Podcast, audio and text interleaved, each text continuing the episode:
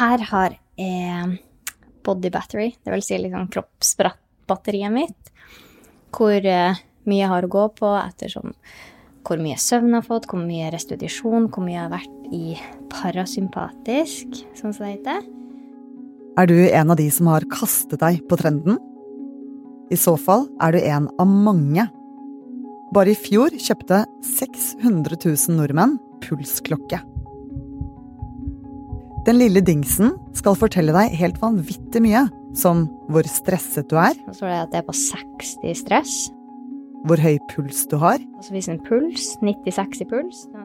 Og hvor godt du har sovet. søvnsporing. Da står det at jeg har sovet nesten ni timer. Og ifølge noen skal dette være nøkkelen til et bedre liv. Men stemmer det? Du hører på Forklart fra Aftenposten, en podkast der vi forklarer én nyhet i hver episode. I dag om den litt irriterende og elskede pulsklokken. Jeg heter Synne Søhol.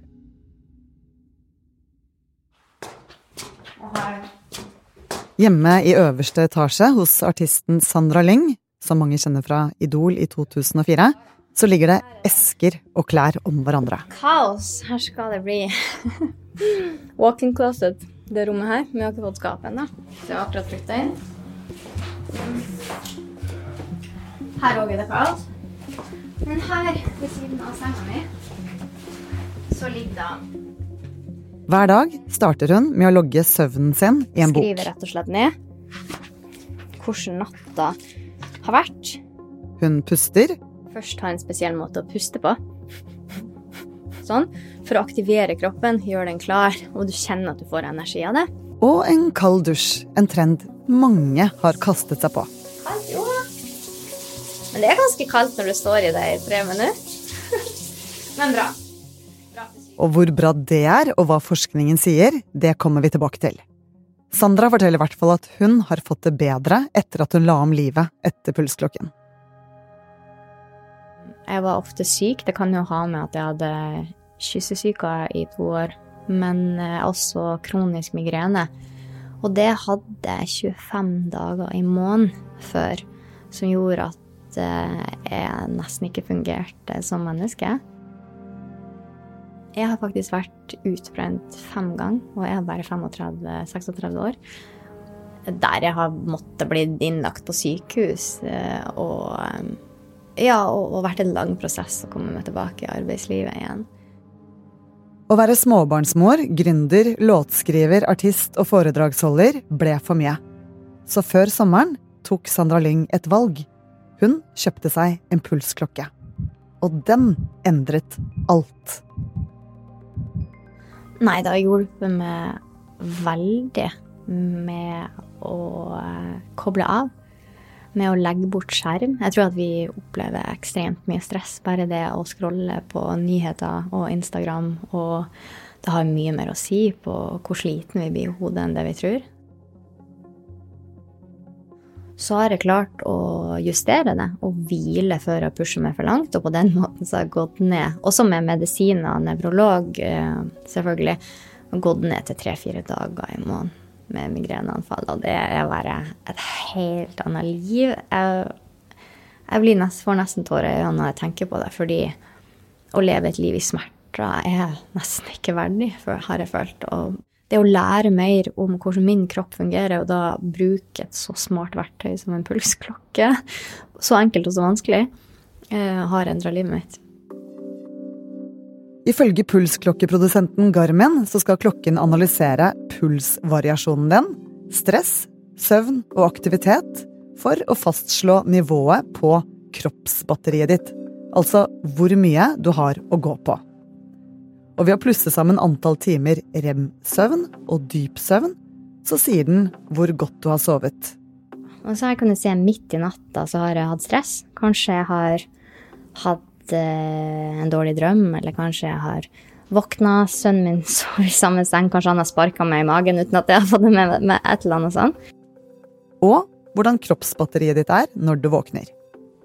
Jeg kan se på kvelder der jeg har spist godteri seint. Eh, sjokolade og sukker og sånn som jeg spiste på lørdag, f.eks. da var kroppen min i stress helt til firetida om morgenen. Og det var bare det jeg hadde gjort. Jeg hadde hvilt på sofaen, sett eh, en film med bestekompisen min, men likevel så våkna jeg med lavere energi, et lavere kroppsbatteri, og sov dårlig kun pga. noe godteri på kveldstid.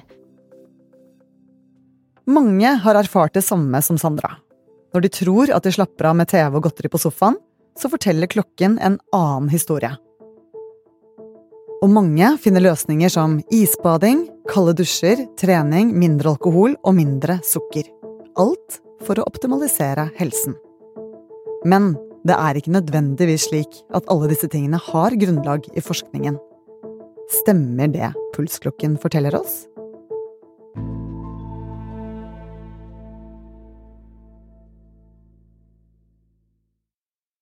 Thelma, har du, har du pulsklokke? Nei, det har jeg ikke. Uh, har vi begynt nå? Nå begynner vi. Nå begynner vi. Uh, nei, jeg har ikke pulsklokke. Jeg uh, tror jeg bare hadde blitt stressa av å ha det, og av å se hva som jeg er flink til og ikke flink til hele tiden. Jeg tror jeg jeg får dårlig samvittighet, og så ja, endte opp med å føle meg dårlig. Så det vil jeg heller ikke bruke. Thelma Katinka Klevan er journalist i A-magasinet, hvor hun har skrevet en sak om pulsklokker. Og Thelma, hva er det som har overrasket deg mest med denne saken? Ja, at de gjør liksom såpass store endringer, eh, og at det er eh, så små ting, eller så hverdagslige ting, da, som kan gjøre dem stressa, som å spise pizza eller høre på podkast eller se på TV, scrolle, ting man gjør hele tiden. Det var kanskje det som var mest overraskende. Og og at de gjør så liksom store og drastiske grep for å, eh, for å gjøre klokka fornøyd, da. Mye rare ting også. Thelma har møtt flere som er som Sandra Lyng, som styrer livene sine etter de røde og blå strekene på den lille skjermen. Men om dette virkelig har positiv effekt, det er ikke alle enige om. Blant de som støtter klokken, er lege og forfatter Torkil Færø, som står bak boken Pulskuren. Eh, han sier at man ved klokka da, kan se hva som stresser deg, og hva som tapper deg for krefter, og at man deretter, eh, ut fra de målingene, da, kan gjøre endringer for at du skal få et eh, bedre liv hvor du stresser mindre, har mer overskudd og blir sjeldnere syk. Men så er det skeptikerne. Noen mener man ikke kan lene seg på disse tallene for å vite hvordan man har det. Eh, for eksempel så sier Thomas Losnegård, han er professor ved Norges idrettshøgskole, han sier at det ikke finnes én faktor som kan måle dagsformen din eller hvordan kroppen fungerer. Og han sier også at til og med toppidrettsutøvere, da, de kjenner etter hvordan de føler seg før de bruker klokka til å gi dem noen svar, da. Så de kombinerer? Ja, men de er mest opptatt av å kjenne etter hvordan de føler seg, på en måte. Andre igjen mener at klokken kan gi deg helt motsatt effekt. At jo mer opptatt man blir av å sjekke kroppsbatteriet, stress og søvn, jo mer stresset blir man. For eksempel så har vi sosialantropolog Emil Røyrvik. Da. Han sier at eh, det å følge med på hva som gjør deg stresset, og prøve å tilpasse seg etter det, det kan bare gjøre deg enda mer stresset. Og han sier også at eh, vi mennesker er jo opptatt av oss selv av natur, men kanskje er denne trenden et tegn på at vi bare blir mer og mer selvopptatte, da. At det kan stjele energi i seg selv også? Ja, altså det er liksom noe med det her at du har et verktøy til å måle deg selv, på en måte. Eh, at man kanskje blir bare enda mer opphengt i hvor flink er jeg, hvordan skal jeg bli enda bedre utgave av meg selv. Men hva med alle tallene, prosentene og kurvene? Hvor mye kan man egentlig stole på det klokken forteller deg? Her spriker forskningen. Her er det ganske stor uenighet. Eh, det er annet flere som mener at det ikke er like nøyaktige målinger da, hvis man ikke har pulsbelte. Eh, men så mener jo eh, han forfatteren Torkil Fære da, at klokken er veldig nøyaktig, for han har brukt EKG-målere samtidig som han har brukt klokken, og liksom sammenlignet de målingene. Men det finnes studier som viser at feilmarginene kan være ganske store, særlig under fysisk aktivitet. da. Og ifølge Thomas Losnegård ved Norges idrettshøgskole så kan man risikere å ta dumme valg hvis man stoler blindt på det klokka viser hver eneste gang. Også blant dem du har snakket med eh, om pulsklokker, om eh, både battery og helse, så er det noen metoder som går igjen, som er sånn iskald dusj, unngå sukker, alkohol og det å bare koble av skikkelig. Men hva vet vi egentlig om hva som får kroppen til å stresse ned? Eh, vi vet jo at å unngå alkohol, snus, scrolle mindre eh, kan bidra til at du får mer energi og stresse mindre. Men akkurat det er jo kanskje ikke så overraskende. Man vet jo at det er ting som er negativt eh, for oss. Men det nye som snakkes om nå, da, er at også ultraprosessert mat, raske karbohydrater og til og med varme kan gi stress. Men akkurat dette er det lite dokumentert eh, forskning på. Ja, hva mener du med varme? Nei, det er faktisk at eh, det, er mange som mener at det å bli eh, iskald da, eh, gjør at eh, pulsen lettere faller i hvilemodus etterpå. Så kan eh, varme dusjer gjøre deg stressa og liksom tappe deg for energi, mens iskalde dusjer kan ha motsatt effekt. Sandra Lyng har tatt mange av de samme grepene i sitt liv. Men føler hun at svarene som klokken gir, kan gjøre henne mer sliten? Hvis du f.eks. ser at du har sovet dårlig, så tenker du å nei, jeg sover dårlig, så vil dette systemet hjelpe deg å finne flere bevis på at å ja, du er trøtt, du er sliten. Sånn sett så kan det jo kanskje eh, ha noe å si. Men den lyver jo ikke. Jeg, jo, er jo trøtt eh, i kroppen uansett om jeg tenker det bort eller ikke.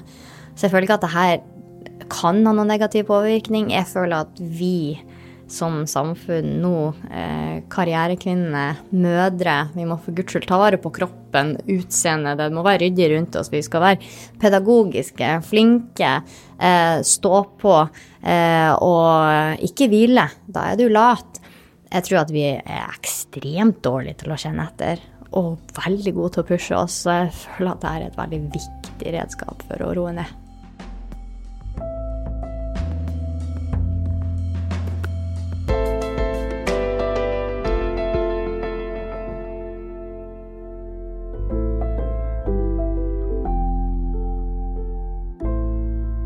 Du har hørt en podkast fra Aftenposten. Det var artisten Sandra Lyng som fortalte om sine erfaringer med pulsklokken, og Thelma Katinka Klevan som forklarte deg hva forskerne mener. Denne episoden er laget av produsent Olav Eggesvik og meg, Synne Søhol. Og resten av Forklart er Jenny Førland, Anders Weberg og David Vekoni. Hvis du liker Forklart, så blir vi veldig glad hvis du vil tipse en venn om oss, og hvis du vil følge oss i Spotify. Husk at Forklart er helt gratis, og hver morgen gir vi deg en helt ny episode. I Norge elsker vi når kongen tar trikken. Velkommen eh, hjem til meg her på Ildseng. At Erna spiller Candy Crush sånn som oss. Den beste boken du har lest, eh, det er alle Harry Potter-bøkene. Men hvorfor later politikerne som de er som folk flest? Elite, jeg? Nei. Hør sesongens siste dypdykk om Elita. Kjem onsdag 29. november. Du finner den hos Aftenposten eller Podmy.